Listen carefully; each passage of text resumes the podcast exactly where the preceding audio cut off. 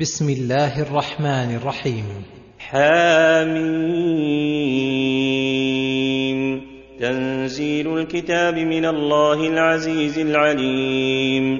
غافر الذنب وقابل التوب شديد العقاب ذي الطول لا إله إلا هو إليه المصير. يخبر تعالى عن كتابه العظيم بأنه صادر ومنزل من الله المألوه المعبود لكماله وانفراده بأفعاله. العزيز الذي قهر بعزته كل مخلوق العليم بكل شيء غافر الذنب للمذنبين وقابل التوب من التائبين شديد العقاب على من تجرأ على الذنوب ولم يتب منها ذي الطول أي التفضل والإحسان الشامل. فلما قرر ما قرر من كماله وكان ذلك موجبا لأن يكون وحده المألوه الذي تخلص له الأعمال قال لا إله إلا هو إليه المصير. ووجه المناسبة بذكر نزول القرآن من الله الموصوف بهذه الأوصاف أن هذه الأوصاف مستلزمة لجميع ما يشتمل عليه القرآن من المعاني فإن القرآن إما إخبار عن أسماء الله وصفاته وأفعاله وهذه أسماء وأوصاف وأفعال وإما إخبار عن الغيوب الماضية والمستقبلة فهي من تعليم العليم لعباده وإما إخبار عن نعمه العظيمة وآلائه الجسيمة وما يوصل إلى ذلك من الأوامر فذلك يدل عليه قوله ذي الطول. وإما إخبار عن نقمه الشديدة وعما يوجبها ويقتضيها من المعاصي فذلك يدل عليه قوله شديد العقاب. وإما دعوة للمذنبين إلى التوبة والإنابة والاستغفار فذلك يدل عليه قوله غافر الذنب وقابل التوب شديد العقاب. وإما إخبار بأنه وحده المألوه المعبود وإقامة الأدلة العقلية والنقلية على ذلك والحث عليه والنهي عن عبادة ما سوى الله وإقامة الأدلة العقلية والنقلية على فسادها والترهيب منها فذلك يدل عليه قوله تعالى لا إله إلا هو وإما إخبار عن حكمه الجزائي العدل وثواب المحسنين وعقاب العاصين فهذا يدل عليه قوله إليه المصير فهذا جميع ما يشتمل عليه القرآن من المطالب العاليات. ما يجادل في آيات الله إلا الذين كفروا فلا يغررك تقلبهم في البلاد. يخبر تعالى أنه ما يجادل في آياته إلا الذين كفروا والمراد بالمجادلة هنا المجادلة لرد آيات الله ومقابلتها بالباطل فهذا من صنيع الكفار. وأما المؤمنون فيخضعون لله تعالى الذي يلقي الحق ليدحض به الباطل ولا ينبغي للإنسان أن يغتر بحالة الإنسان الدنيوية ويظن أن إعطاء الله إياه في الدنيا دليل على محبته له وأنه على الحق.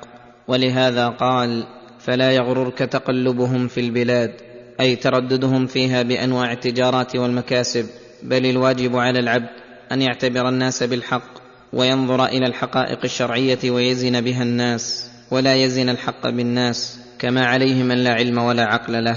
كذبت قبلهم قوم نوح والأحزاب من بعدهم وهمت كل أمة برسولهم ليأخذوه وجادلوا بالباطل ليدحضوا به الحق فأخذتهم فكيف كان عقاب. ثم هدد من جادل بآيات الله ليبطلها كما فعل من قبله من الأمم من قوم نوح وعاد والأحزاب من بعدهم الذين تحزبوا وتجمعوا على الحق ليبطلوه وعلى الباطل لينصروه. وهمت كل أمة برسولهم ليأخذوه. وأنه بلغت بهم الحال وآل بهم التحزب إلى أنه همت كل أمة من الأمم برسولهم ليأخذوه أي يقتلوه وهذا أبلغ ما يكون. الرسل الذين هم قادة أهل الخير الذين معهم الحق الصرف الذي لا شك فيه ولا اشتباه هموا بقتلهم فهل بعد هذا البغي والضلال والشقاء إلا العذاب العظيم الذي لا يخرجون منه؟ ولهذا قال في عقوبتهم الدنيوية والأخروية فأخذتهم فكيف كان عقاب؟ فأخذتهم أي بسبب تكذيبهم وتحزبهم فكيف كان عقاب؟ كان أشد العقاب وأفظعه ما هو إلا صيحة أو حاصب ينزل عليهم أو يأمر الأرض أن تأخذهم أو البحر أن يغرقهم فإذا هم خامدون. وكذلك حقت كلمة ربك على الذين كفروا أنهم أصحاب النار. وكذلك حقت كلمة ربك على الذين كفروا أي كما حقت على أولئك حقت عليهم كلمة الضلال الذي نشأت عنها كلمة العذاب. ولهذا قال أنهم أصحاب النار. الذين يحملون العرش ومن حوله يسبحون بحمد ربهم ويؤمنون به. يخبر تعالى عن كمال لطفه تعالى بعباده المؤمنين وما قيض لأسباب سعادتهم من الأسباب الخارجة عن قدرهم من استغفار الملائكة المقربين لهم ودعائهم لهم بما فيه صلاح دينهم وآخرتهم.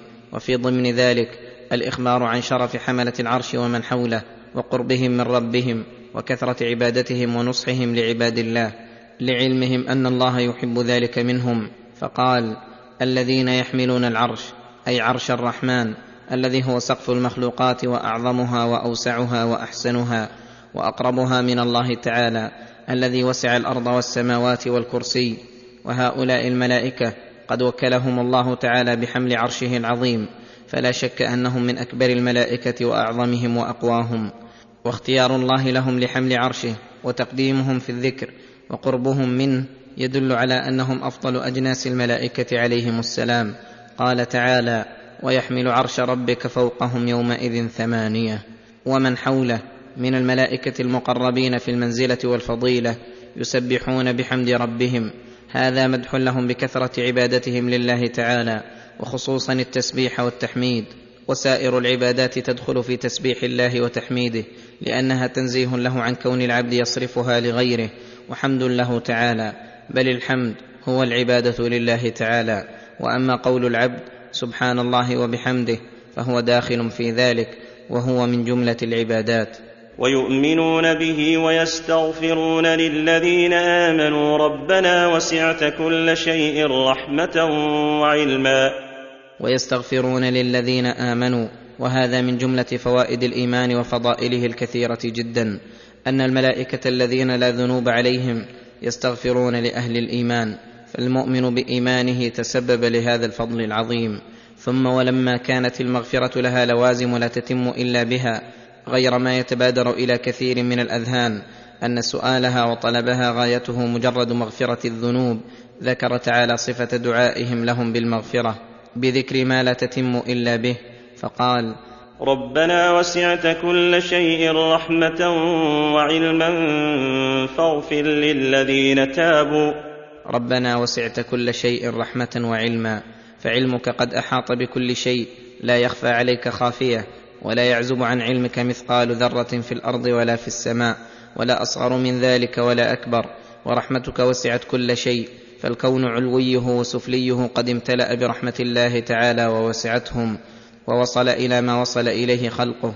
فاغفر للذين تابوا واتبعوا سبيلك وقهم عذاب الجحيم. فاغفر للذين تابوا من الشرك والمعاصي واتبعوا سبيلك باتباع رسلك بتوحيدك وطاعتك وقهم عذاب الجحيم. اي قهم العذاب نفسه وقهم أسباب العذاب. ربنا وأدخلهم جنات عدن التي وعدتهم ومن صلح من آبائهم وأزواجهم وذرياتهم إنك أنت العزيز الحكيم. ربنا وأدخلهم جنات عدن التي وعدتهم على ألسنة رسلك ومن صلح أي صلح بالإيمان والعمل الصالح من آبائهم وأزواجهم زوجاتهم وأزواجهن وأصحابهم ورفقاؤهم وذرياتهم. إنك أنت العزيز الحكيم. إنك أنت العزيز القاهر لكل شيء. فبعزتك تغفر ذنوبهم وتكشف عنهم المحذور وتوصلهم به إلى كل خير. الحكيم الذي يضع الأشياء مواضعها. فلا نسألك يا ربنا أمرا تقتضي حكمتك خلافه. بل من حكمتك التي أخبرت بها على ألسنة رسلك واقتضاها فضلك. المغفرة للمؤمنين. وقهم السيئات ومن تق السيئات يومئذ فقد رحمته وذلك هو الفوز العظيم. وقهم السيئات أي الأعمال السيئة وجزاءها لأنها تسوء صاحبها. ومن تق السيئات يومئذ أي يوم القيامة فقد رحمته لأن رحمتك لم تزل مستمرة على العباد. لا يمنعها إلا ذنوب العباد وسيئاتهم. فمن وقيته السيئات وفقته للحسنات وجزائها الحسن. وذلك هو الفوز العظيم. وذلك أي زوال المحذور بوقاية السيئات وحصول المحبوب بحصول الرحمة هو الفوز العظيم الذي لا فوز مثله ولا يتنافس المتنافسون بأحسن منه. وقد تضمن هذا الدعاء من الملائكة كمال معرفتهم بربهم والتوسل إلى الله بأسمائه الحسنى التي يحب من عباده التوسل بها إليه والدعاء بما يناسب ما دعوا الله فيه. فلما كان دعاؤهم بحصول الرحمة وإزالة أثر ما اقتضته النفوس البشرية التي علم الله نقصها واقتضاءها لما اقتضته من المعاصي ونحو ذلك من المبادئ والأسباب التي قد أحاط الله بها علما توسلوا بالرحيم العليم. وتضمن كمال أدبهم مع الله تعالى بإقرارهم بربوبيته لهم الربوبية العامة والخاصة وأنه ليس لهم من الأمر شيء وإنما دعاؤهم لربهم صدر من فقير بالذات من جميع الوجوه لا يدلي على ربه بحالة من الأحوال إن هو إلا فضل الله وكرمه وإحسانه وتضمن موافقتهم لربهم تمام الموافقة بمحبة ما يحبه من الأعمال التي هي العبادات التي قاموا بها واجتهدوا اجتهاد المحبين ومن العمال الذين هم المؤمنون الذين يحبهم الله تعالى من بين خلقه فسائر الخلق المكلفين يبغضهم الله إلا المؤمنين منهم فمن محبة الملائكة لهم دعوا الله واجتهدوا في صلاح أحوالهم لأن الدعاء للشخص من أدل الدلائل على محبته لأنه لا يدعو إلا لمن يحبه. وتضمن ما شرحه الله وفصله من دعائهم بعد قوله يستغفرون للذين آمنوا التنبيه اللطيف على كيفية تدبر كتابه والا يكون المتدبر مقتصرا على مجرد معنى اللفظ بمفرده بل ينبغي له أن يتدبر معنى اللفظ فإذا فهمه فهما صحيحا على وجهه نظر بعقله إلى ذلك الأمر والطرق الموصلة إليه وما لا يتم إلا به وما يتوقف عليه وجزم بأن الله اراد كما يجزم أنه أراد المعنى الخاص الدال عليه اللفظ. والذي يوجب له الجزم بأن الله أراده أمران. أحدهما معرفته وجزمه بأنه من توابع المعنى والمتوقف عليه. الثاني علمه بأن الله بكل شيء عليم وأن الله أمر عباده بالتدبر والتفكر في كتابه. وقد علم تعالى ما يلزم من تلك المعاني وهو المخبر بأن كتابه هدى ونور وتبيان لكل شيء وأنه أفصح الكلام وأجله إيضاحا. فبذلك يحصل للعبد من العلم العظيم والخير الكثير بحسب ما وفقه الله له. وقد كان في تفسيرنا هذا كثير من هذا من به الله علينا. وقد يخفى في بعض الآيات مأخذه على غير المتأمل صحيح الفكرة ونسأله تعالى أن يفتح علينا من خزائن رحمته ما يكون سببا لصلاح أحوالنا وأحوال المسلمين. فليس لنا إلا التعلق بكرمه والتوسل بإحسانه الذي لا نزال نتقلب فيه في كل الآنات وفي جميع اللحظات ونسأله من فضله أن يقينا شر أنفسنا المانع والمعوق لوصول رحمته. إنك الكريم الوهاب الذي تفضل بالأسباب ومسبباتها وتضمن ذلك أن المقارن من زوج وولد وصاحب يسعد بقرينه ويكون اتصاله به سببا لخير يحصل له خارج عن عمله وسبب عمله. كما كانت الملائكة تدعو للمؤمنين ولمن صلح من آبائهم وأزواجهم وذرياتهم. وقد يقال إنه لا بد من وجود صلاحهم لقوله ومن صلح فحينئذ يكون ذلك من نتيجة عملهم. والله أعلم. إن الذين كفروا ينادون لمقت الله أكبر من مقتكم أنفسكم إذ تدعون إلى الإيمان فتكفرون. يخبر تعالى عن الفضيحة والخزي الذي يصيب الكافرين وسؤالهم الرجعة والخروج من النار وامتناع ذلك عليهم وتوبيخهم. فقال إن الذين كفروا أطلقه ليشمل أنواع الكفر كلها من الكفر بالله أو بكتبه أو برسله أو باليوم الآخر حين يدخلون النار ويقرون أنهم مستحقونها. لما فعلوه من الذنوب والأوزار فيمقتون أنفسهم لذلك أشد المقت ويغضبون عليها غاية الغضب فينادون عند ذلك ويقال لهم لمقت الله أي إياكم. إذ تدعون إلى الإيمان فتكفرون. أي حين دعتكم الرسل وأتباعهم إلى الإيمان وأقاموا لكم من البينات ما تبين به الحق فكفرتم وزهدتم في الإيمان الذي خلقكم الله له وخرجتم من رحمته الواسعة فمقتكم وأبغضكم فهذا أكبر من مقتكم أنفسكم. أي فلم يزل هذا المقت مستمرا عليكم والسخط من الكريم حالا بكم حتى آلت بكم الحال إلى ما آلت. فاليوم حل عليكم غضب الله وعقابه حين نال المؤمنون رضوان الله وثوابه فتمنوا الرجوع. قالوا ربنا أمتنا اثنتين وأحييتنا اثنتين فاعترفنا بذنوبنا فهل إلى خروج من سبيل؟ فقالوا ربنا أمتنا اثنتين. يريدون الموتة الأولى وما بين النفختين على ما قيل أو العدم المحض قبل إيجادهم ثم أماتهم بعدما أوجدهم وأحييتنا اثنتين الحياة الدنيا والحياة الأخرى. فاعترفنا بذنوبنا فهل إلى خروج من سبيل؟ أي تحسروا وقالوا ذلك فلم يفد ولم ينجع ووبخوا على عدم فعل أسباب النجاة فقيل لهم ذلكم بأنه إذا دعي الله وحده كفرتم وإن يشرك به تؤمنوا فالحكم لله العلي الكبير. ذلكم بأنه إذا دعي الله وحده أي إذا دعي لتوحيده وإخلاص العمل له ونهي عن الشرك به كفرتم به واشمأزت لذلك قلوبكم ونفرتم غاية النفور. وإن يشرك به تؤمنوا فالحكم لله العلي الكبير. وإن يشرك به تؤمنوا أي هذا الذي أنزلكم هذا المنزل وبوأكم هذا المقيل والمحل أنكم تكفرون بالإيمان وتؤمنون بالكفر ترضون بما هو شر وفساد في الدنيا والآخرة وتكرهون ما هو خير وصلاح في الدنيا والآخرة تؤثرون سبب الشقاوة والذل والغضب وتزهدون بما هو سبب الفوز والفلاح والظفر وإن يروا سبيل الرشد لا يتخذوه سبيلا وإن يروا سبيل الغي يتخذوه سبيلا. فالحكم لله العلي الكبير.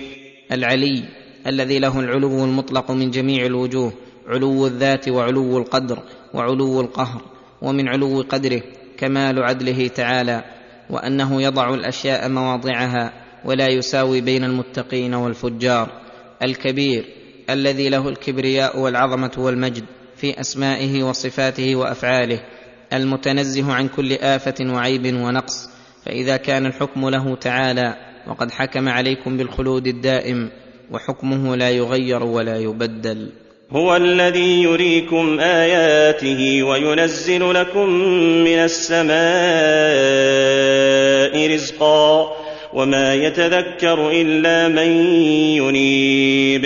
يذكر تعالى نعمه العظيمة على عباده بتبيين الحق من الباطل بما يري عباده من آياته النفسية والآفاقية والقرآنية الدالة على كل مطلوب مقصود الموضحة للهدى من الضلال بحيث لا يبقى عند الناظر فيها والمتأمل لها أدنى شك في معرفة الحقائق وهذا من أكبر نعمه على عباده حيث لم يبق الحق مشتبها. ولا الصواب ملتبسا بل نوع الدلالات ووضح الآيات ليهلك من هلك عن بينة ويحيى من حي عن بينة.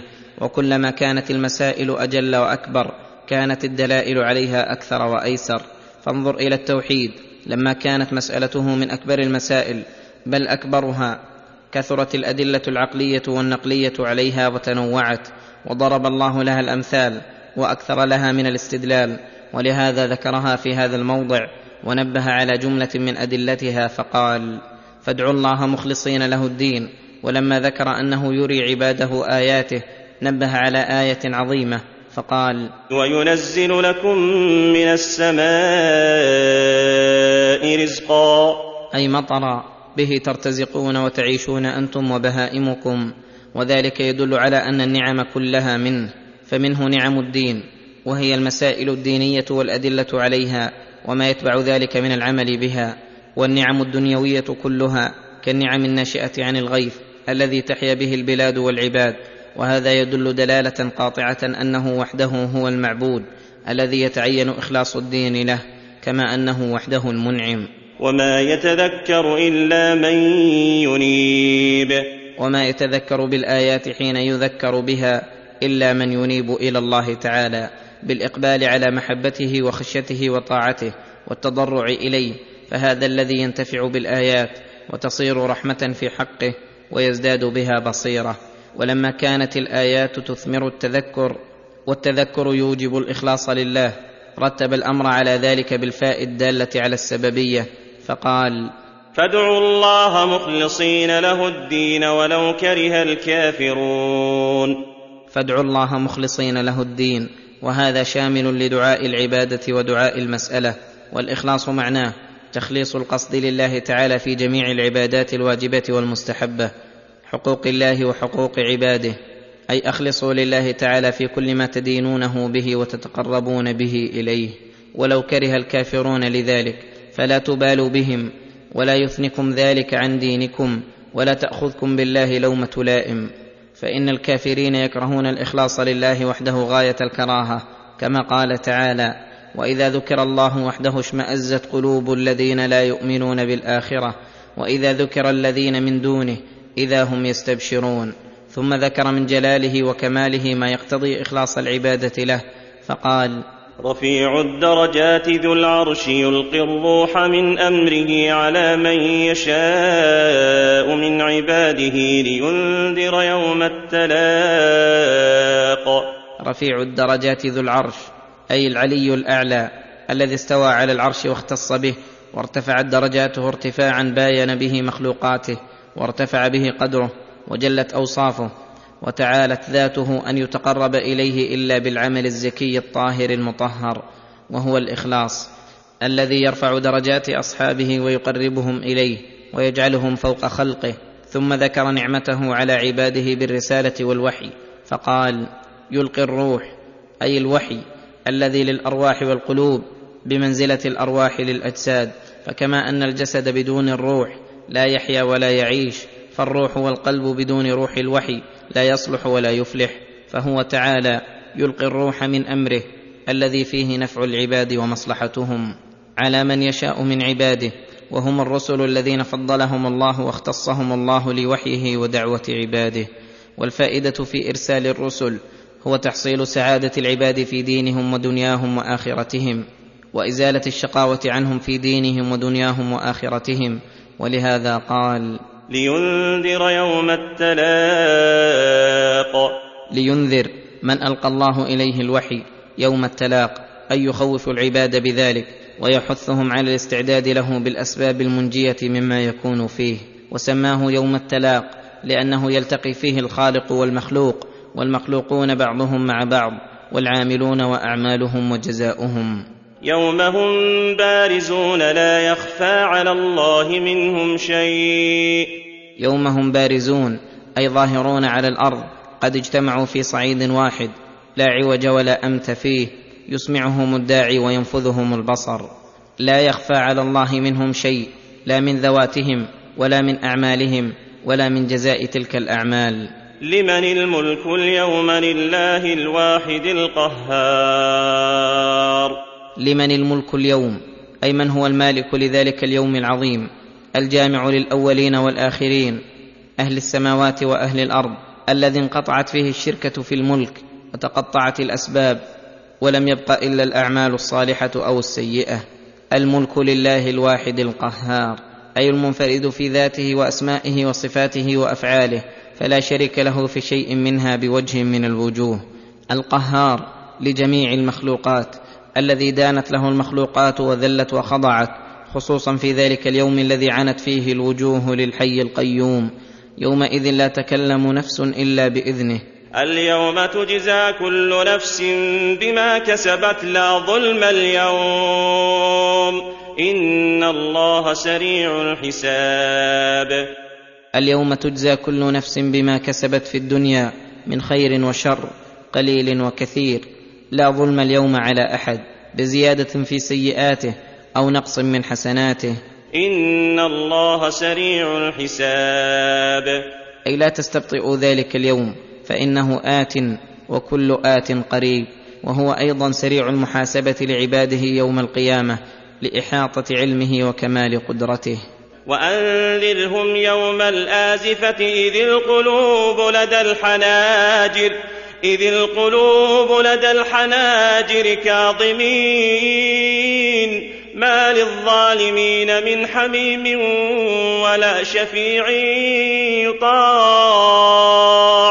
يقول تعالى لنبيه محمد صلى الله عليه وسلم وأنذرهم يوم الآزفة أي يوم القيامة التي قد أزفت وقربت وآن الوصول إلى أهوالها وقلاقلها وزلازلها. إذ القلوب لدى الحناجر.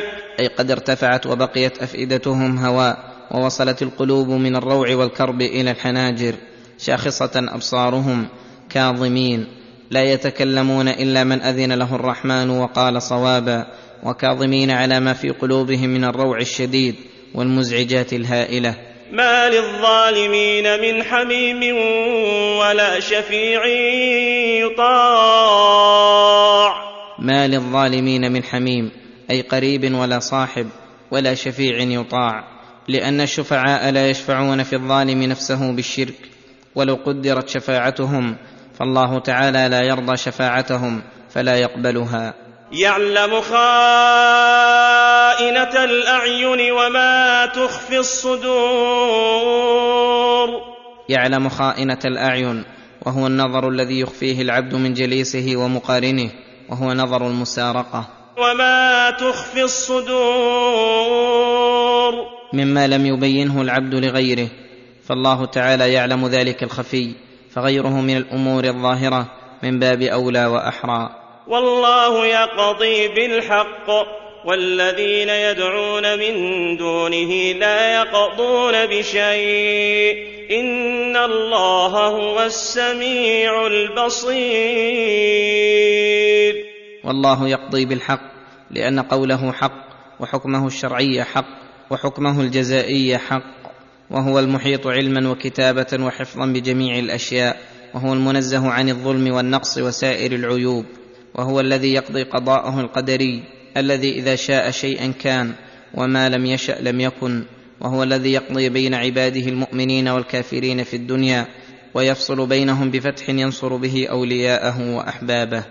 والذين يدعون من دونه لا يقضون بشيء. والذين يدعون من دونه وهذا شامل لكل ما عبد من دون الله لا يقضون بشيء لعجزهم وعدم إرادتهم للخير واستطاعتهم لفعله. إن الله هو السميع البصير. ان الله هو السميع لجميع الاصوات باختلاف اللغات على تفنن الحاجات. البصير بما كان وما يكون وما نبصر وما لا نبصر وما يعلم العباد وما لا يعلمون. قال في اول هاتين الايتين وانذرهم يوم الازفه ثم وصفها بهذه الاوصاف المقتضية للاستعداد لذلك اليوم العظيم. لاشتمالها على الترغيب والترهيب. أولم يسيروا في الأرض فينظروا كيف كان عاقبة الذين كانوا من قبلهم كانوا هم أشد منهم قوة وآثارا في الأرض فأخذهم الله بذنوبهم وما كان لهم من الله من واق ذلك بأنهم كانت تأتيهم رسلهم بالبينات فكفروا فأخذهم الله إنه قوي شديد العقاب.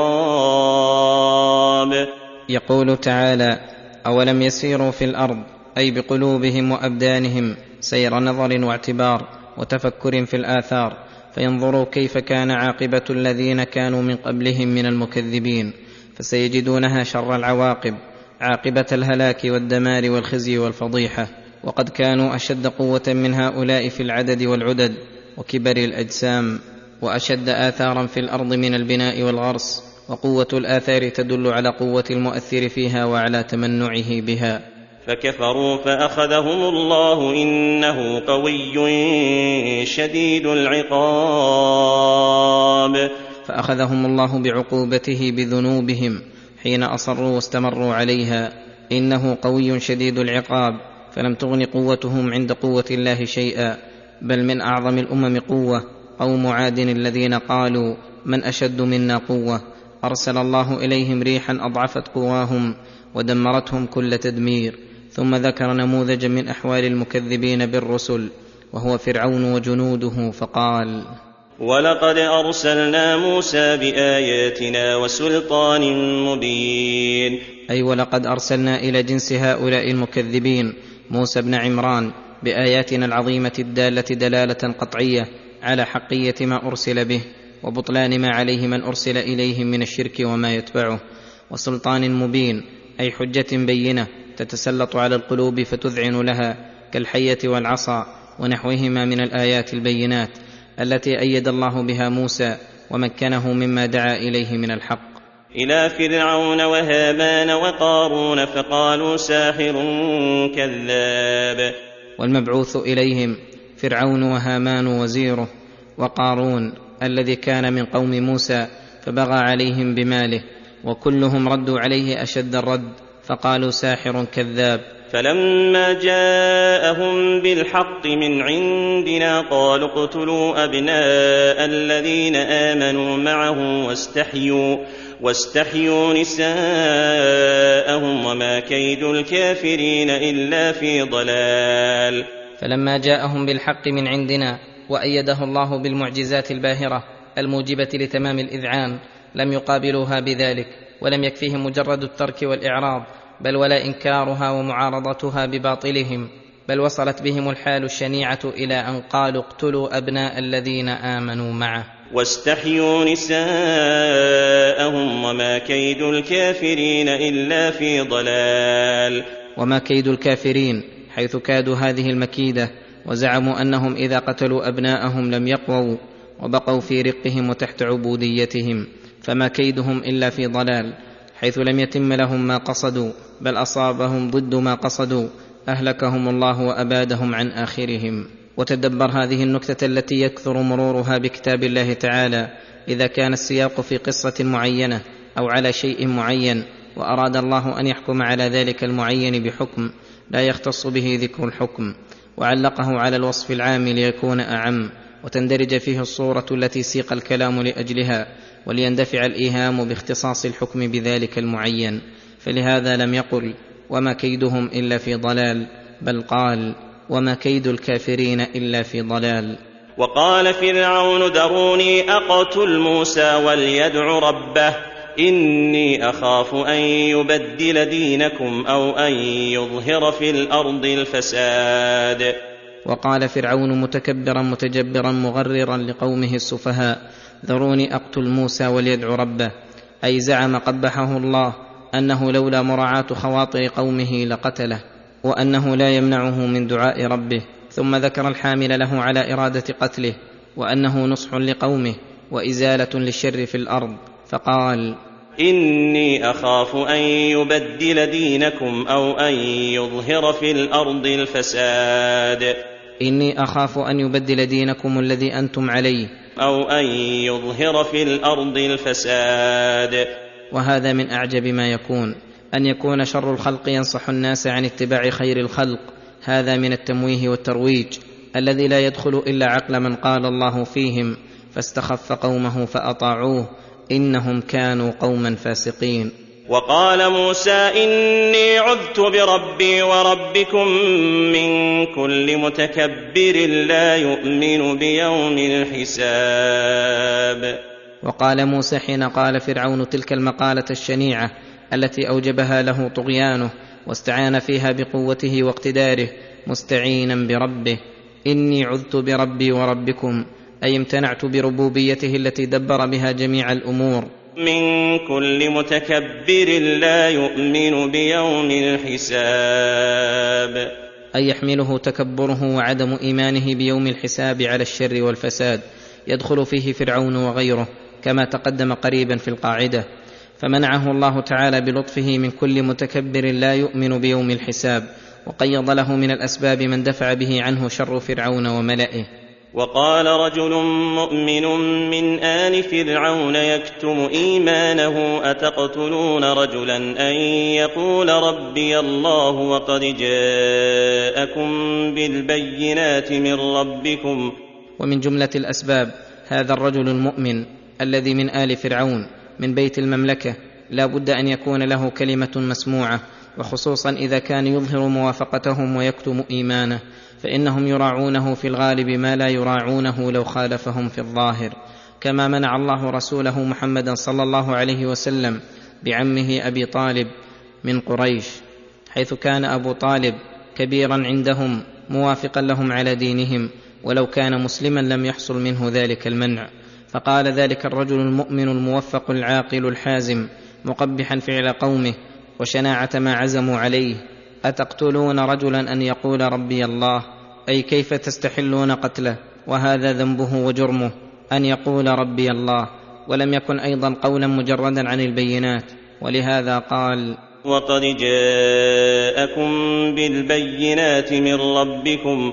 لأن بينته اشتهرت عندهم اشتهارا علم به الصغير والكبير. أي فهذا لا يوجب قتله. فهلا أبطلتم قبل ذلك ما جاء به من الحق وقبلتم البرهان ببرهان يرده ثم بعد ذلك نظرتم هل يحل قتله إذا ظهرتم عليه بالحجة أم لا؟ فأما وقد ظهرت حجته واستعلى برهانه فبينكم وبين حل قتله مفاوز تنقطع بها أعناق المطي. ثم قال لهم مقالة عقلية تقنع كل عاقل بأي حال قدرت فقال وإن يك كاذبا فعليه كذبه وإن يك صادقا يصبكم بعض الذي يعدكم. أي موسى بين أمرين إما كاذب في دعواه أو صادق فيها فإن كان كاذبا فكذبه عليه وضرره مختص به وليس عليكم في ذلك ضرر حيث امتنعتم من إجابته وتصديقه وإن كان صادقا وقد جاءكم بالبينات وأخبركم أنكم إن لم تجيبوه عذبكم الله عذابا في الدنيا وعذابا في الآخرة فإنه لا بد أن يصيبكم بعض الذي يعدكم وهو عذاب الدنيا. وهذا من حسن عقله ولطف دفعه عن موسى حيث أتى بهذا الجواب الذي لا تشويش فيه عليهم وجعل الأمر دائرا بين تلك الحالتين وعلى كل تقدير فقتله سفه وجهل منكم. ثم انتقل رضي الله عنه وأرضاه وغفر له ورحمه. إلى أمر أعلى من ذلك وبيان قرب موسى من الحق فقال إن الله لا يهدي من هو مسرف كذاب. إن الله لا يهدي من هو مسرف أي متجاوز الحد بترك الحق والإقبال على الباطل كذاب بنسبته ما أسرف فيه إلى الله فهذا لا يهديه الله إلى طريق الصواب لا في مدلوله ولا في دليله ولا يوفق للصراط المستقيم. أي وقد رأيتم ما دعا موسى إليه من الحق وما هداه الله إلى بيانه من البراهين العقلية والخوارق السماوية فالذي اهتدى هذا الهدى لا يمكن أن يكون مسرفا ولا كاذبا وهذا دليل على كمال علمه وعقله ومعرفته بربه. ثم حذر قومه ونصحهم وخوفهم عذاب الآخرة ونهاهم عن الاغترار بالملك الظاهر فقال يا قوم لكم الملك اليوم ظاهرين في الأرض يا قوم لكم الملك اليوم أي في الدنيا ظاهرين في الأرض على رعيتكم تنفذون فيهم ما شئتم من التدبير فهبكم حصل لكم ذلك وتم ولن يتم. فمن ينصرنا من بأس الله إن جاءنا. فمن ينصرنا من بأس الله أي عذابه إن جاءنا. وهذا من حسن دعوته حيث جعل الأمر مشتركا بينه وبينهم بقوله فمن ينصرنا وقوله إن جاءنا ليفهمهم أنه ينصح لهم كما ينصح لنفسه ويرضى لهم ما يرضى لنفسه. قال فرعون ما أريكم إلا ما أرى وما أهديكم إلا سبيل الرشاد. فقال فرعون معارضا له في ذلك ومغررا لقومه أن يتبعوا موسى ما أريكم إلا ما أرى وما أهديكم إلا سبيل الرشاد. وصدق في قوله ما أريكم إلا ما أرى ولكن ما الذي رأى؟ رأى أن يستخف قومه فيتابعوه ليقيم بهم رياسته ولم ير الحق معه بل رأى الحق مع موسى وجحد به مستيقنا له. وكذب في قوله وما أهديكم إلا سبيل الرشاد فإن هذا قلب للحق فلو أمرهم باتباعه اتباعا مجردا على كفره وضلاله لكان الشر أهون ولكنه أمرهم باتباعه وزعم أن في اتباعه اتباع الحق وفي اتباع الحق اتباع الضلال. وقال الذي آمن يا قوم إني أخاف عليكم مثل يوم الأحزاب. وقال الذي آمن مكررا دعوة قومه غير آيس من هدايتهم كما هي حالة الدعاة إلى الله لا يزالون يدعون إلى ربهم ولا يردهم عن ذلك راد ولا يثنيهم عتو من دعوه عن تكرار الدعوة. فقال لهم يا قوم إني أخاف عليكم مثل يوم الأحزاب. يعني الأمم المكذبين الذين تحزبوا على أنبيائهم واجتمعوا على معارضتهم ثم بينهم فقال مثل دأب قوم نوح وعاد وثمود والذين من بعدهم. أي مثل عادتهم في الكفر والتكذيب وعادة الله فيهم بالعقوبة العاجلة في الدنيا قبل الآخرة. وما الله يريد ظلما للعباد. فيعذبهم بغير ذنب أذنبوه ولا جرم أسلفوه. ولما خوفهم العقوبات الدنيوية خوفهم العقوبات الأخروية فقال ويا قوم إني أخاف عليكم يوم التناد. أي يوم القيامة حين ينادي أهل الجنة أهل النار أن قد وجدنا ما وعدنا ربنا حقا. ونادى أصحاب النار أصحاب الجنة أن أفيضوا علينا من الماء أو مما رزقكم الله. قالوا إن الله حرمهما على الكافرين. وحين ينادي أهل النار مالكا ليقضي علينا ربك فيقول إنكم ماكثون.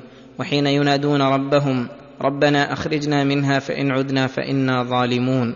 فيجيبهم اخسأوا فيها ولا تكلمون.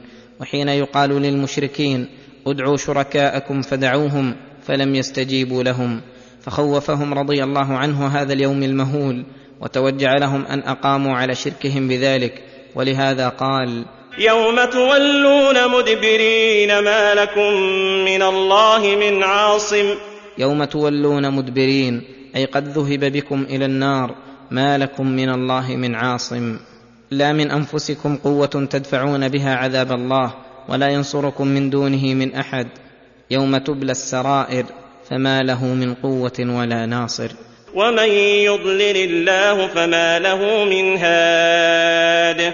ومن يضلل الله فما له من هاد لأن الهدى بيد الله تعالى فإذا منع عبده الهدى لعلمه أنه غير لائق به لخبثه فلا سبيل إلى هدايته. ولقد جاءكم يوسف من قبل بالبينات فما زلتم في شك مما جاءكم به. ولقد جاءكم يوسف بن يعقوب عليهما السلام من قبل إتيان موسى بالبينات الدالة على صدقه وأمركم بعبادة ربكم وحده لا شريك له فما زلتم في شك مما جاءكم به في حياته. حتى إذا هلك قلتم لن يبعث الله من بعده رسولا. حتى إذا هلك ازداد شككم وشرككم وقلتم لن يبعث الله من بعده رسولا. أي هذا ظنكم الباطل وحسبانكم الذي لا يليق بالله تعالى. فإنه تعالى لا يترك خلقه سدى لا يأمرهم وينهاهم ويرسل إليهم رسله. وظنوا أن الله لا يرسل رسولا ظنوا ضلال. ولهذا قال كذلك يضل الله من هو مسرف مرتاب. وهذا هو وصفهم الحقيقي الذي وصفوا به موسى ظلما وعلوا فهم المسرفون بتجاوزهم الحق وعدولهم عنه إلى الضلال وهم الكذبة حيث نسبوا ذلك إلى الله وكذبوا رسوله. فالذي وصفه السرف والكذب لا ينفك عنهما لا يهديه الله ولا يوفقه للخير. لأنه رد الحق بعد أن وصل إليه وعرفه فجزاؤه أن يعاقبه الله بأن يمنعه الهدى. كما قال تعالى فلما زاغوا أزاغ الله قلوبهم ونقلب أفئدتهم وأبصارهم كما لم يؤمنوا به أول مرة ونذرهم في طغيانهم يعمهون والله لا يهدي القوم الظالمين. ثم ذكر وصف المسرف الكذاب فقال الذين يجادلون في آيات الله بغير سلطان أتاهم كبر مقتا عند الله وعند الذين آمنوا كذلك يطبع الله على كل قلب متكبر جبار. الذين يجادلون في آيات الله التي بينت الحق من الباطل وصارت من ظهورها بمنزلة الشمس للبصر فهم يجادلون فيها على وضوحها ليدفعوها ويبطلوها بغير سلطان أتاهم أي بغير حجة وبرهان وهذا وصف لازم لكل من جادل في آيات الله فإنه من المحال أن يجادل بسلطان لأن الحق لا يعارضه معارض فلا يمكن أن يعارض بدليل شرعي أو عقلي أصلا. كبر مقتا عند الله وعند الذين آمنوا كبر ذلك القول المتضمن لرد الحق بالباطل مقتا عند الله وعند الذين آمنوا. فالله أشد بغضا لصاحبه لأنه تضمن التكذيب بالحق والتصديق بالباطل ونسبته إليه. وهذه أمور يشتد بغض الله لها ولمن اتصف بها. وكذلك عباده المؤمنون يمقتون على ذلك أشد المقت موافقة لربهم. وهؤلاء خواص خلق الله تعالى. فمقتهم دليل على شناعة من مقتوه. كذلك يطبع الله على كل قلب متكبر جبار. كذلك أي كما طبع على قلوب آل فرعون يطبع الله على كل قلب متكبر جبار متكبر في نفسه على الحق برده وعلى الخلق باحتقارهم جبار بكثرة ظلمه وعدوانه. وقال فرعون يا هامان ابن لي صرحا لعلي أبلغ الأسباب أسباب السماوات فأطلع إلى إله موسى وإني لأظنه كاذبا وكذلك زين لفرعون سوء عمله وصد عن السبيل وما كيد فرعون إلا في تباب وقال فرعون معارضا لموسى ومكذبا له في دعوته إلى الإقرار برب العالمين الذي على العرش استوى وعلى الخلق اعتلى. يا هامان ابن لي صرحا. أي بناء عظيما مرتفعا. والقصد منه لعلي أطلع إلى إله موسى وإني لأظنه كاذبا في دعواه أن لنا ربا وأنه فوق السماوات ولكنه يريد أن يحتاط فرعون ويختبر الأمر بنفسه. قال الله تعالى في بيان الذي حمله على هذا القول. وكذلك زين لفرعون سوء عمله وصد عن السبيل. وكذلك زين لفرعون سوء عمله فزين له العمل السيء فلم يزل الشيطان يزينه وهو يدعو إليه ويحسنه حتى رآه حسنا ودعا إليه وناظر مناظرة المحقين وهو من أعظم المفسدين وصد عن السبيل الحق بسبب الباطل الذي زين له. وما كيد فرعون إلا في تباب.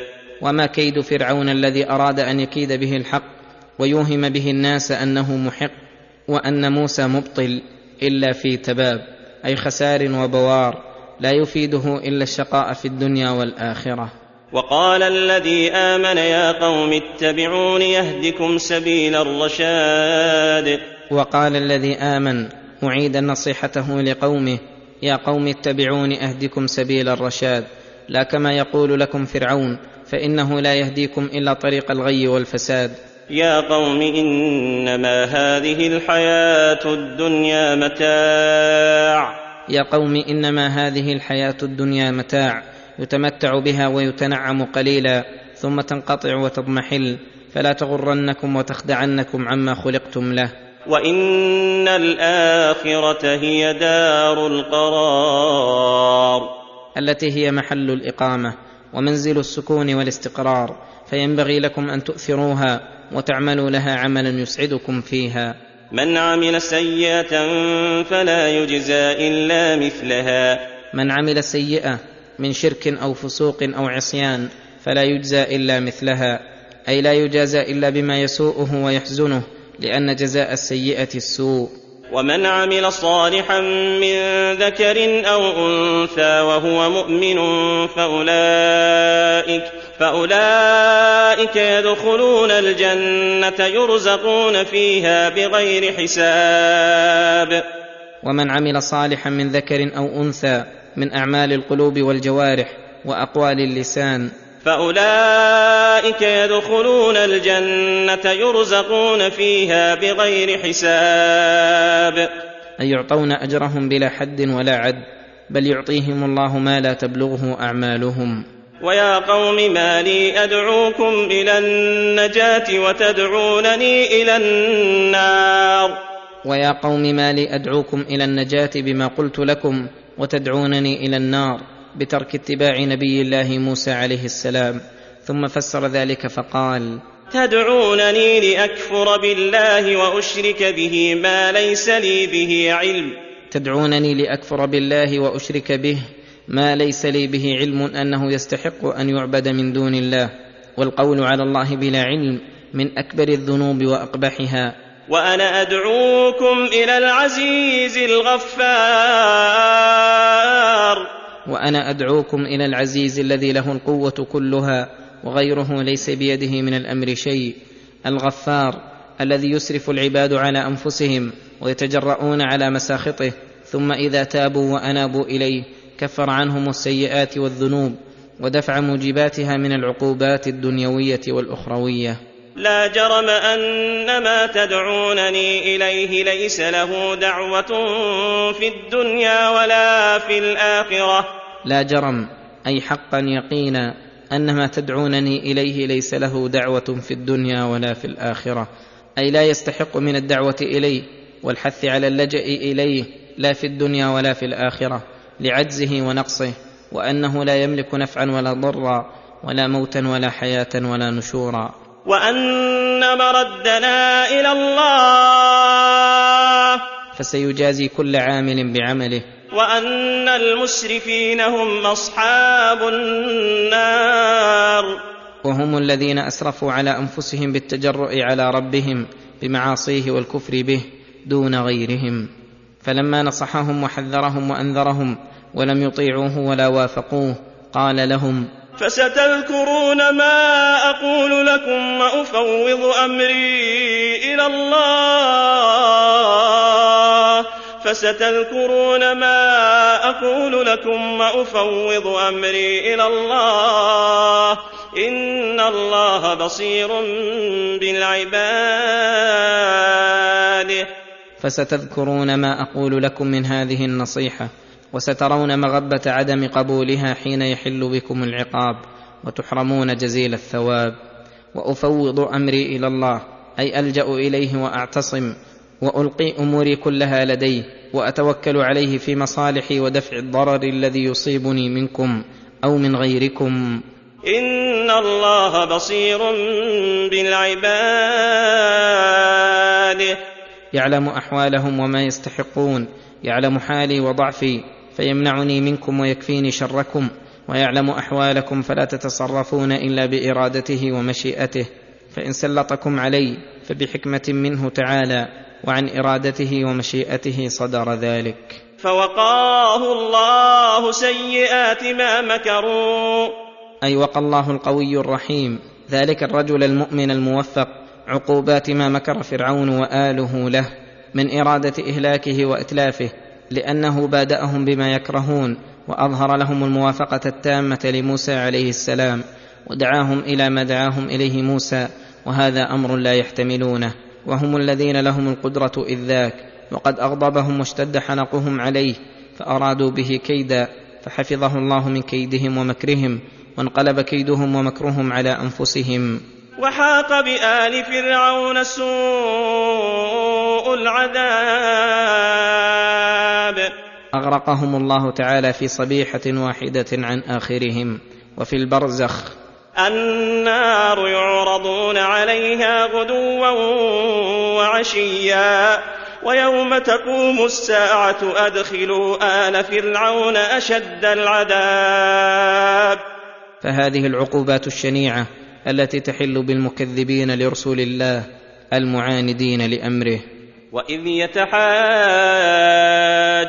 في النار فيقول الضعفاء للذين استكبروا انا كنا لكم تبعا فهل أنتم مغنون عنا نصيبا من النار يخبر تعالى عن تخاصم أهل النار وعتاب بعضهم بعضا واستغاثتهم بخزنة النار وعدم الفائدة في ذلك. فقال وإذ يتحاجون في النار يحتج التابعون بإغواء المتبوعين ويتبرأ المتبوعون من التابعين فيقول الضعفاء أي الأتباع للقادة للذين استكبروا على الحق ودعوهم إلى ما استكبروا لأجله إنا كنا لكم تبعا أنتم أغويتمونا وأضللتمونا وزينتم لنا الشرك والشر فهل أنتم مغنون عنا نصيبا من النار؟ أي ولو قليلا قال الذين استكبروا إنا كل فيها إن الله قد حكم بين العباد. قال الذين استكبروا مبينين لعجزهم ونفوذ الحكم الإلهي في الجميع. إنا كل فيها إن الله قد حكم بين العباد وجعل لكل قسطه من العذاب فلا يزاد في ذلك ولا ينقص منه ولا يغير ما حكم به الحكيم. وقال الذين في النار لخزنة جهنم ادعوا ربكم يخفف عنا يوما من العذاب. وقال الذين في النار من المستكبرين والضعفاء لخزنة جهنم ادعوا ربكم يخفف عنا يوما من العذاب لعله تحصل بعض الراحة.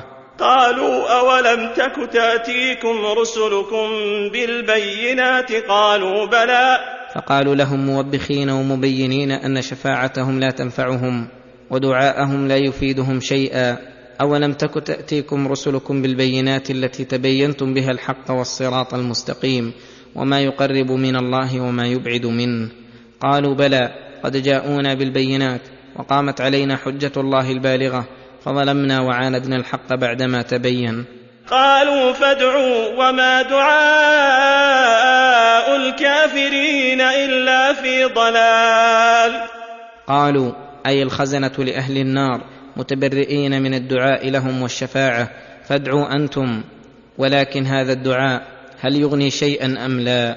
قال تعالى وما دعاء الكافرين إلا في ضلال. أي باطل لاغ لأن الكفر محبط لجميع الأعمال صاد لإجابة الدعاء. إنا لننصر رسلنا والذين آمنوا في الحياة الدنيا في الحياة الدنيا ويوم يقوم الأشهاد. لما ذكر عقوبة آل فرعون في الدنيا والبرزخ ويوم القيامة وذكر حالة أهل النار الفظيعة الذين نابذوا رسله وحاربوهم قال إنا لننصر رسلنا والذين آمنوا في الحياة الدنيا أي بالحجة والبرهان والنصر وفي الآخرة بالحكم لهم ولأتباعهم بالثواب ولمن حاربهم بشدة العقاب. يوم لا ينفع الظالمين معذرتهم ولهم اللعنة ولهم سوء الدار. يوم لا ينفع الظالمين معذرتهم حين يعتذرون. ولهم اللعنة ولهم سوء الدار أي الدار السيئة التي تسوء نازليها. ولقد آتينا موسى الهدى وأورثنا بني إسرائيل الكتاب هدى وذكرى لأولي الألباب. لما ذكر ما جرى لموسى وفرعون وما آل إليه أمر فرعون وجنوده ثم ذكر الحكم العام الشامل له ولأهل النار ذكر أنه أعطى موسى الهدى أي الآيات. والعلم الذي يهتدي به المهتدون.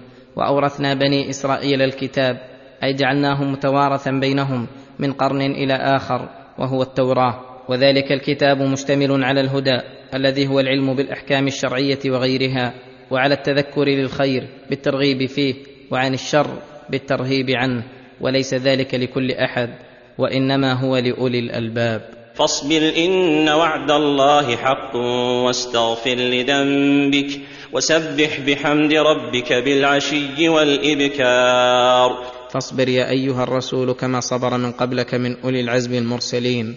إن وعد الله حق أي ليس مشكوكا فيه أو فيه ريب أو كذب حتى يعسر عليك الصبر. وإنما هو الحق المحض والهدى الصرف الذي يصبر عليه الصابرون ويجتهد في التمسك به أهل البصائر. فقوله إن وعد الله حق من الأسباب التي تحث على الصبر على طاعة الله وعما يكره الله. واستغفر لذنبك المانع لك من تحصيل فوزك وسعادتك. فأمره بالصبر الذي فيه يحصل المحبوب وبالاستغفار الذي فيه دفع المحذور وبالتسبيح بحمد الله تعالى خصوصا بالعشي والإبكار اللذين هما أفضل الأوقات وفيهما من الأوراد والوظائف الواجبة والمستحبة ما فيهما.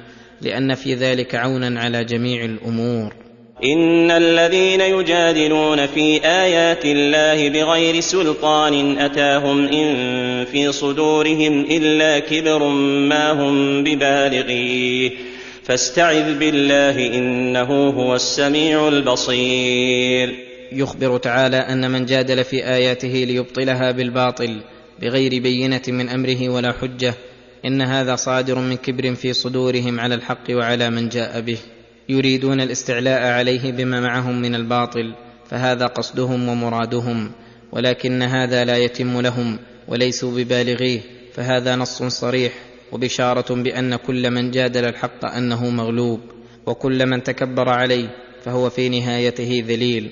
فاستعذ بالله إنه هو السميع البصير. فاستعذ أي اعتصم والجأ بالله ولم يذكر ما يستعيذ إرادة للعموم أي استعذ بالله من الكبر الذي يوجب التكبر على الحق واستعذ بالله من شياطين الإنس والجن واستعذ بالله من جميع الشرور. إنه هو السميع البصير. إنه هو السميع لجميع الأصوات على اختلافها البصير بجميع المرئيات بأي محل وموضع وزمان كانت. لخلق السماوات والأرض أكبر من خلق الناس ولكن أكثر الناس لا يعلمون. يخبر تعالى بما تقرر في العقول أن خلق السماوات والأرض على عظمهما وسعتهما أعظم وأكبر من خلق الناس. فإن الناس بالنسبة إلى خلق السماوات والأرض من أصغر ما يكون فالذي خلق الأجرام العظيمة وأتقنها قادر على إعادة الناس بعد موتهم من باب أولى وأحرى. وهذا أحد الأدلة العقلية الدالة على البعث دلالة قاطعة بمجرد نظر العاقل إليها يستدل بها استدلالا لا يقبل الشك والشبهة بوقوع ما أخبرت به الرسل من البعث. وليس كل أحد يجعل فكره لذلك ويقبل بتدبره. ولهذا قال ولكن أكثر الناس لا يعلمون. ولذلك لا يعتبرون بذلك. ولا يجعلونه منهم على بال. ثم قال تعالى وما يستوي الاعمى والبصير والذين امنوا وعملوا الصالحات ولا المسيء. قليلا ما تتذكرون. وما يستوي الاعمى والبصير والذين امنوا وعملوا الصالحات ولا المسيء. أي كما لا يستوي الاعمى والبصير. كذلك لا يستوي من امن بالله وعمل الصالحات. ومن كان مستكبرا على عباده ربه. مقدما على معاصيه ساعيا في مساخطه. قليلا ما تتذكرون. أي تذكركم قليل وإلا فلو تذكرتم مراتب الأمور ومنازل الخير والشر والفرق بين الأبرار والفجار وكانت لكم همة علية لآثرتم النافع على الضار والهدى على الضلال والسعادة الدائمة على الدنيا الفانية. إن الساعة لآتية لا ريب فيها ولكن أكثر الناس لا يؤمنون. إن الساعة لآتية لا ريب فيها قد أخبرت بها الرسل الذين هم أصدق الخلق ونطقت بها الكتب السماوية التي جميع أخبارها أعلى مراتب الصدق وقامت عليها الشواهد المرئية والآيات الأفقية. ولكن أكثر الناس لا يؤمنون. ولكن أكثر الناس لا يؤمنون مع هذه الأمور التي توجب كمال التصديق والإذعان. وقال ربكم ادعوني أستجب لكم. إن الذين يستكبرون عن عبادتي سيدخلون جهنم داخرين. هذا من لطفه بعباده ونعمته العظيمة حيث دعاهم إلى ما فيه صلاح دينهم ودنياهم وأمرهم بدعائه دعاء العبادة ودعاء المسألة. ووعدهم أن يستجيب لهم وتوعد من استكبر عنها فقال إن الذين يستكبرون عن عبادتي سيدخلون جهنم داخرين. أي ذليلين حقيرين يجتمع عليهم العذاب والإهانة جزاء على استكبارهم. الله الذي جعل لكم الليل لتسكنوا فيه والنهار مبصرا. إن الله لذو فضل على الناس ولكن أكثر الناس لا يشكرون. ذلكم الله ربكم خالق كل شيء. لا إله إلا هو لا إله إلا هو فانى تؤفكون. تدبر هذه الآيات الكريمات. الدالة على سعة رحمة الله تعالى وجزيل فضله ووجوب شكره وكمال قدرته وعظيم سلطانه وسعة ملكه وعموم خلقه لجميع الأشياء وكمال حياته واتصافه بالحمد على كل ما اتصف به من الصفات الكاملة وما فعله من الأفعال الحسنة وتمام ربوبيته وانفراده فيها وأن جميع التدبير في العالم العلوي والسفلي في ماضي الأوقات وحاضرها ومستقبلها بيد الله تعالى ليس لأحد من الأمر شيء ولا من القدرة شيء فينتج من ذلك أنه تعالى المألوه المعبود وحده الذي لا يستحق أحد غيره من العبودية شيئا كما لم يستحق من الربوبية شيئا وينتج من ذلك امتلاء القلوب بمعرفة الله تعالى ومحبته وخوفه ورجائه وهذان الأمران وهما معرفته وعبادته هما اللذان خلق الله الخلق لأجلهما وهما الغاية المقصودة منه تعالى لعباده. وهما الموصلان إلى كل خير وفلاح وصلاح وسعادة دنيوية وأخروية وهما اللذان هما أشرف عطايا الكريم لعباده وهما أشرف اللذات على الإطلاق وهما اللذان إن فاتا فات كل خير وحضر كل شر. فنسأله تعالى أن يملأ قلوبنا بمعرفته ومحبته وأن يجعل حركاتنا الباطنة والظاهرة خالصة لوجهه تابعة لأمره إنه لا يتعاظمه سؤال ولا يحفيه نوال. فقوله تعالى الله الذي جعل لكم الليل لتسكنوا فيه والنهار مبصرا. إن الله لذو فضل على الناس ولكن أكثر الناس لا يشكرون. الله الذي جعل لكم الليل أي لأجلكم جعل الله الليل مظلما لتسكنوا فيه من حركاتكم التي لو استمرت لضرت. فتؤون إلى فرشكم ويلقي الله عليكم النوم الذي يستريح به القلب والبدن وهو من ضروريات الآدمي لا يعيش بدونه ويسكن أيضا كل حبيب إلى حبيبه ويجتمع الفكر وتقل الشواغل وجعل تعالى النهار مبصرا منيرا بالشمس المستمرة في الفلك فتقومون من فرشكم إلى أشغالكم الدينية والدنيوية هذا لذكره وقراءته وهذا لصلاته وهذا لطلبه للعلم ودراسته وهذا لبيعه وشرائه وهذا لبنائه أو حدادته أو نحوها من الصناعات وهذا لسفره برا وبحرا وهذا لفلاحته وهذا لتصليح حيواناته. إن الله لذو فضل على الناس ولكن أكثر الناس لا يشكرون. إن الله لذو فضل أي عظيم كما يدل عليه التنكير على الناس حيث أنعم عليهم بهذه النعم وغيرها. وصرف عنهم النقم وهذا يوجب عليهم تمام شكره وذكره. ولكن أكثر الناس لا يشكرون. بسبب جهلهم وظلمهم وقليل من عبادي الشكور الذين يقرون بنعمة ربهم ويخضعون لله ويحبونه ويصرفونها في طاعة مولاهم ورضاه. ذلكم الله ربكم خالق كل شيء لا إله إلا هو. لا إله إلا هو فأنا تؤفكون. ذلكم الذي فعل ما فعل. الله ربكم أي المنفرد بالإلهية والمنفرد بالربوبية لأن انفراده بهذه النعم من ربوبيته وإيجابها للشكر من ألوهيته. لا إله إلا هو. تقرير أنه المستحق للعبادة وحده لا شريك له. خالق كل شيء. تقرير لربوبيته. ثم صرح بالأمر بعبادته فقال فأنا تؤفكون. أي كيف تصرفون عن عبادته وحده لا شريك له بعدما أبان لكم الدليل وأنار لكم السبيل؟ كذلك يؤفك الذين كانوا بآيات الله يجحدون. أي عقوبة على جحدهم لآيات الله وتعديهم على رسله صرفوا عن التوحيد والإخلاص كما قال تعالى وإذا ما أنزلت سورة نظر بعضهم إلى بعض هل يراكم من أحد ثم انصرفوا؟ صرف الله قلوبهم بأنهم قوم لا يفقهون. الله الذي جعل لكم الأرض قرارا والسماء بناء وصوركم فأحسن صوركم ورزقكم من الطيبات. الله الذي جعل لكم الأرض قرارا أي قارة ساكنة مهيئة لكل مصالحكم. تتمكنون من حرثها وغرسها والبناء عليها والسفر والإقامة فيها والسماء بناء سقفا للأرض التي أنتم فيها. قد جعل الله فيها ما تنتفعون به من الأنوار والعلامات التي يهتدى بها في ظلمات البر والبحر. وصوركم فأحسن صوركم فليس في جنس الحيوانات أحسن صورة من بني آدم. كما قال تعالى لقد خلقنا الإنسان في أحسن تقويم وإذا أردت أن تعرف حسن الآدمي وكمال حكمة الله تعالى فيه فانظر إليه عضوا عضوا. هل تجد عضوا من أعضائه يليق به ويصلح أن يكون في غير محله؟ وانظر أيضا إلى الميل الذي في القلوب بعضهم لبعض. هل تجد ذلك في غير الآدميين؟ وانظر إلى ما خصه الله به من العقل والإيمان والمحبة والمعرفة التي هي أحسن الأخلاق المناسبة لاجمل الصور. ورزقكم من الطيبات وهذا شامل لكل طيب.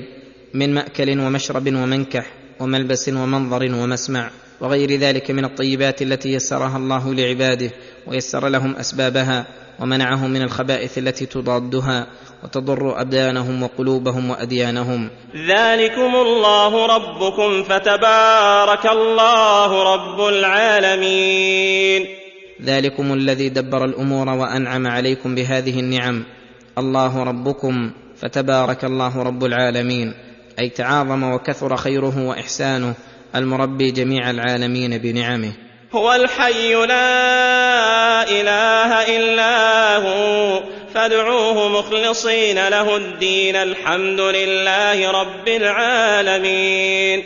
هو الحي الذي له الحياة الكاملة التامة المستلزمة لما تستلزمه من صفاته الذاتية التي لا تتم حياته إلا بها كالسمع والبصر والقدرة والعلم والكلام. وغير ذلك من صفات كماله ونعوت جلاله. لا إله إلا هو أي لا معبود بحق إلا وجهه الكريم. فادعوه مخلصين له الدين الحمد لله رب العالمين. فادعوه وهذا شامل لدعاء العبادة ودعاء المسألة. مخلصين له الدين أي اقصدوا بكل عبادة ودعاء وعمل وجه الله تعالى. فإن الإخلاص هو المأمور به. كما قال تعالى وما أمروا إلا ليعبدوا الله مخلصين له الدين حنفاء. الحمد لله رب العالمين. أي جميع المحامد والمدائح والثناء. بالقول كنطق الخلق بذكره والفعل كعبادتهم له. كل ذلك لله تعالى وحده لا شريك له لكماله في أوصافه وأفعاله وتمام نعمه. قل اني نهيت ان اعبد الذين تدعون من دون الله لما جاءني البينات من ربي وامرت ان اسلم لرب العالمين لما ذكر الامر باخلاص العباده لله وحده وذكر الادله على ذلك والبينات صرح بالنهي عن عباده ما سواه فقال قل يا ايها النبي إني نهيت أن أعبد الذين تدعون من دون الله من الأوثان والأصنام وكل ما عبد من دون الله ولست على شك من أمري بل على يقين وبصيرة. ولهذا قال لما جاءني البينات من ربي وأمرت أن أسلم لرب العالمين. بقلبي ولساني وجوارحي بحيث تكون منقادة لطاعته مستسلمة لأمره. وهذا أعظم مأمور به على الإطلاق كما أن النهي عن عبادة ما سواه أعظم منهي عنه على الإطلاق. ثم قرر هذا التوحيد بأنه الخالق لكم المطور لخلقتكم فكما خلقكم وحده فاعبدوه وحده. فقال هو الذي خلقكم من تراب ثم من نطفة ثم من علقة ثم يخرجكم طفلا ثم لتبلغوا أشدكم. ثم لتبلغوا أشدكم ثم لتكونوا شيوخا ومنكم من يتوفى من قبل ولتبلغوا أجلا مسمى ولعلكم تعقلون هو الذي خلقكم من تراب وذلك بخلقه أصلكم وأبيكم آدم عليه السلام ثم من نطفة وهذا ابتداء خلق سائر النوع الإنساني ما دام في بطن أمه. فنبه بالابتداء على بقية الأطوار من العلقة فالمضغة فالعظام فنفخ الروح. ثم يخرجكم طفلا. ثم هكذا تنتقلون في الخلقة الإلهية حتى تبلغوا أشدكم من قوة العقل والبدن وجميع قواه الظاهرة والباطنة. ثم لتكونوا شيوخا. ومنكم من يتوفى من قبل بلوغ الأشد. ولتبلغوا أجلا مسمى ولعلكم تعقلون. ولتبلغوا بهذه الأطوار المقدرة إلى أجل مسمى تنتهي عنده أعماركم. ولعلكم تعقلون أحوالكم فتعلمون أن المطور لكم في هذه الأطوار كامل الاقتدار وأنه الذي لا تنبغي العبادة إلا له وأنكم ناقصون من كل وجه. هو الذي يحيي ويميت فإذا قضى أمرا فإنما يقول له كن فيكون. هو الذي يحيي ويميت أي هو المنفرد بالإحياء والإماتة فلا تموت نفس بسبب أو بغير سبب إلا بإذنه. وما يعمر من معمر ولا ينقص من عمره إلا في كتاب إن ذلك على الله يسير. فإذا قضى أمرا جليلا أو حقيرا فإنما يقول له كن فيكون. لا رد في ذلك ولا مثنوية ولا تمنع. ألم تر إلى الذين يجادلون في آيات الله أنا يصرفون؟ الذين كذبوا بالكتاب وبما أرسلنا به رسلنا فسوف يعلمون. ألم تر إلى الذين يجادلون في آيات الله الواضحة البينة متعجبا من حالهم الشنيعة أنا يصرفون؟ أي كيف ينعدلون عنها؟ وإلى أي شيء يذهبون بعد البيان التام؟ هل يجدون آيات بينات تعارض آيات الله؟ لا والله. أم يجدون شبها توافق أهواءهم ويصولون بها لأجل باطلهم؟ فبئس ما استبدلوا واختاروا لأنفسهم بتكذيبهم بالكتاب الذي جاءهم من الله وبما أرسل الله به رسله الذين هم خير الخلق وأصدقهم وأعظمهم عقولا. فسوف يعلمون إذ الأغلال في أعناقهم والسلاسل والسلاسل يسحبون في الحميم ثم في النار يسجرون. فهؤلاء لا جزاء لهم سوى النار الحامية ولهذا توعدهم الله بعذابها فقال فسوف يعلمون إذ الأغلال في أعناقهم التي لا يستطيعون معها حركة والسلاسل التي يقرنون بها هم وشياطينهم والسلاسل يسحبون في الحميم. أي الماء الذي اشتد غليانه وحره. ثم في النار يسجرون. يوقد عليهم اللهب العظيم فيصلون بها ثم يوبخون على شركهم وكذبهم. ثم قيل لهم أين ما كنتم تشركون من دون الله؟ ويقال لهم أين ما كنتم تشركون من دون الله؟ هل نفعوكم أو دفعوا عنكم بعض العذاب؟ قالوا ضلوا عنا بل لم نكن ندعو من قبل شيئا. كذلك يضل الله الكافرين. قالوا ضلوا عنا. أي غابوا ولم يحضروا ولو حضروا لم ينفعوا ثم إنهم أنكروا فقالوا بل لم نكن ندعو من قبل شيئا. يحتمل أن مرادهم بذلك الإنكار وظنوا أنه ينفعهم ويفيدهم ويحتمل وهو الأظهر أن مرادهم بذلك الإقرار على بطلان إلهية ما كانوا يعبدون وأنه ليس لله شريك في الحقيقة وإنما هم ضالون مخطئون بعبادة معدوم الإلهية. ويدل على هذا قوله تعالى كذلك يضل الله الكافرين. أي كذلك الضلال الذي كانوا عليه في الدنيا الضلال الواضح لكل أحد حتى إنهم بأنفسهم يقرون ببطلانه يوم القيامة ويتبين لهم معنى قوله تعالى وما يتبع الذين يدعون من دون الله شركاء إن يتبعون إلا الظن ويدل عليه قوله تعالى ويوم القيامة يكفرون بشرككم ومن أضل ممن يدعو من دون الله من لا يستجيب له إلى يوم القيامة ويقال لأهل النار ذلكم بما كنتم تفرحون في الأرض بغير الحق وبما كنتم تمرحون.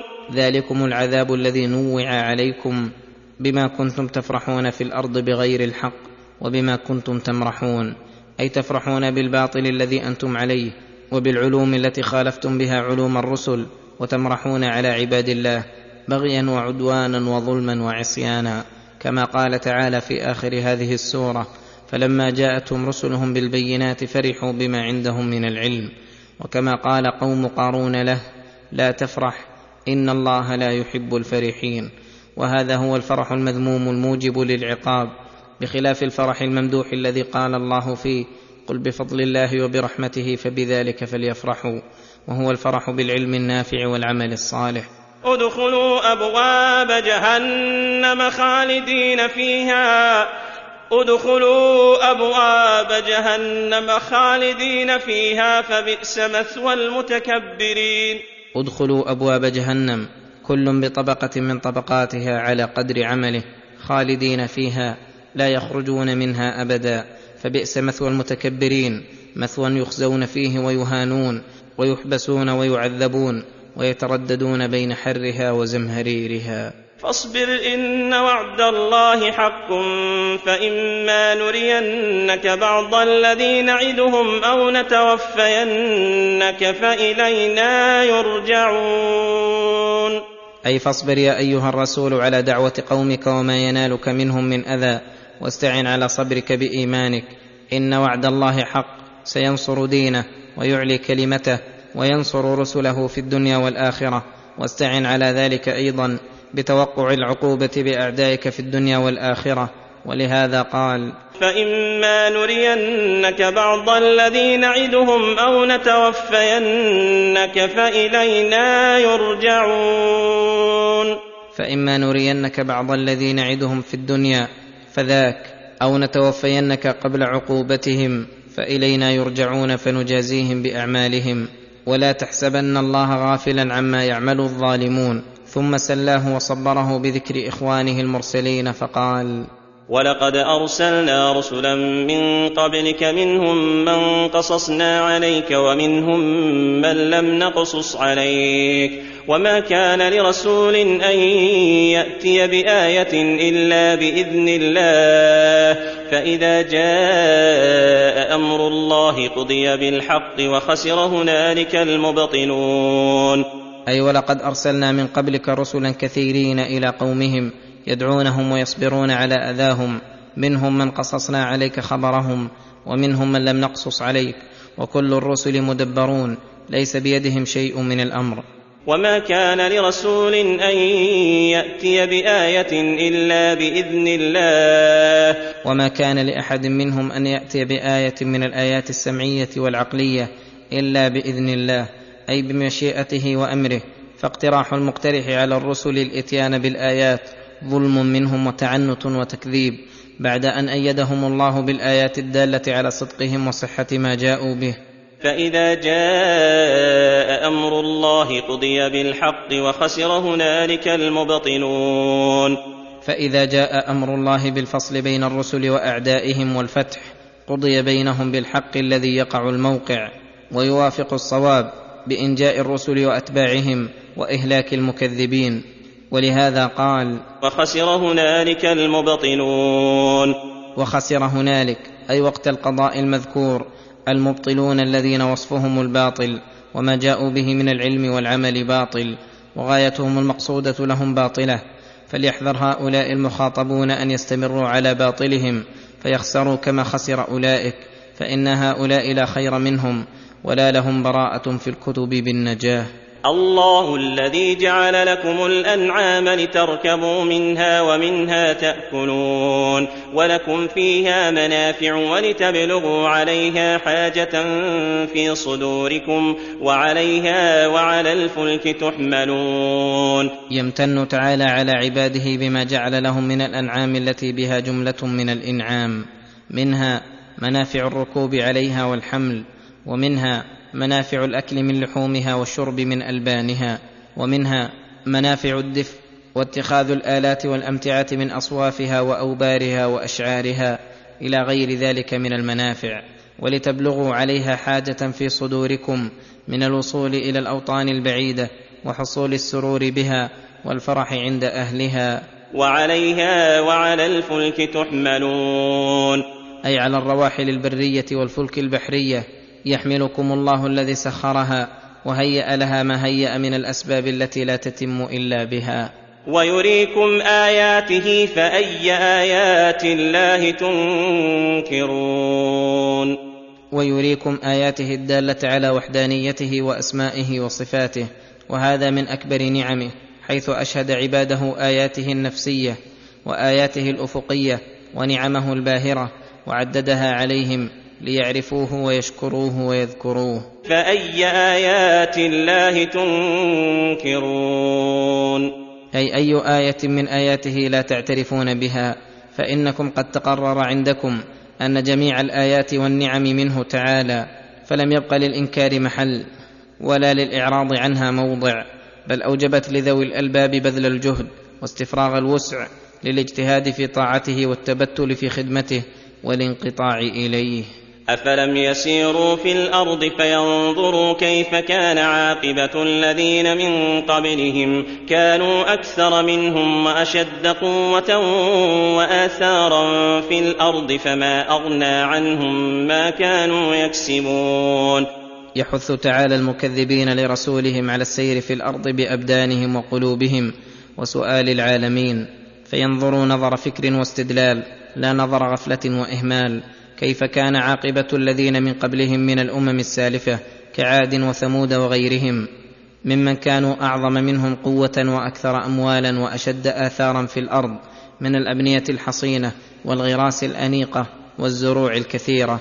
فما أغنى عنهم ما كانوا يكسبون. فما أغنى عنهم ما كانوا يكسبون حين جاءهم أمر الله. فلم تغن عنهم قوتهم ولا افتدوا بأموالهم ولا تحصنوا بحصونهم.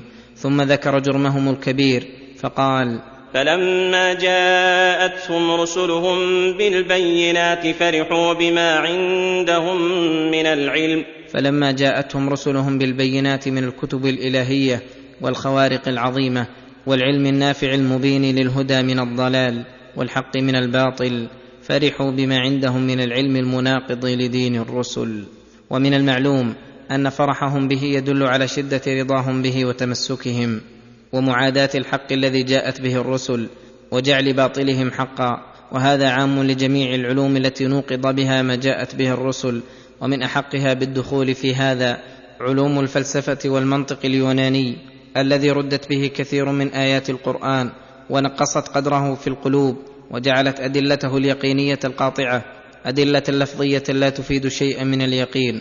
ويقدم عليها عقول أهل السفه والباطل وهذا من أعظم الإلحاد في آيات الله والمعارضة لها والمناقضة.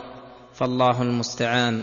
وحاق بهم ما كانوا به يستهزئون. وحاق بهم أي نزل ما كانوا به يستهزئون من العذاب. فلما رأوا بأسنا قالوا آمنا بالله وحده قالوا آمنا بالله وحده وكفرنا بما كنا به مشركين. فلما رأوا بأسنا أي عذابنا أقروا حيث لا ينفعهم الإقرار قالوا آمنا بالله وحده وكفرنا بما كنا به مشركين. من الأصنام والأوثان وتبرأنا من كل ما خالف الرسل من علم أو عمل. فلم يك ينفعهم إيمانهم لما رأوا بأسنا. أي في تلك الحال وهذه سنة الله وعادته. سنة الله التي قد خلت في عباده. التي خلت في عباده. أن المكذبين حين ينزل بهم بأس الله وعقابه إذا آمنوا كان إيمانهم غير صحيح ولا منجيا لهم من العذاب. وذلك لأنه إيمان ضرورة قد اضطروا إليه وإيمان مشاهدة وإنما الإيمان النافع الذي ينجي صاحبه هو الإيمان الاختياري الذي يكون إيمانا بالغيب وذلك قبل وجود قرائن العذاب. وخسر هنالك الكافرون. وخسر هنالك الكافرون أي وقت الإهلاك وإذاقة البأس. الكافرون دينهم ودنياهم وأخراهم. ولا يكفي مجرد الخسارة في تلك الدار بل لا بد من خسران يشقي في العذاب الشديد والخلود فيه دائما ابدا.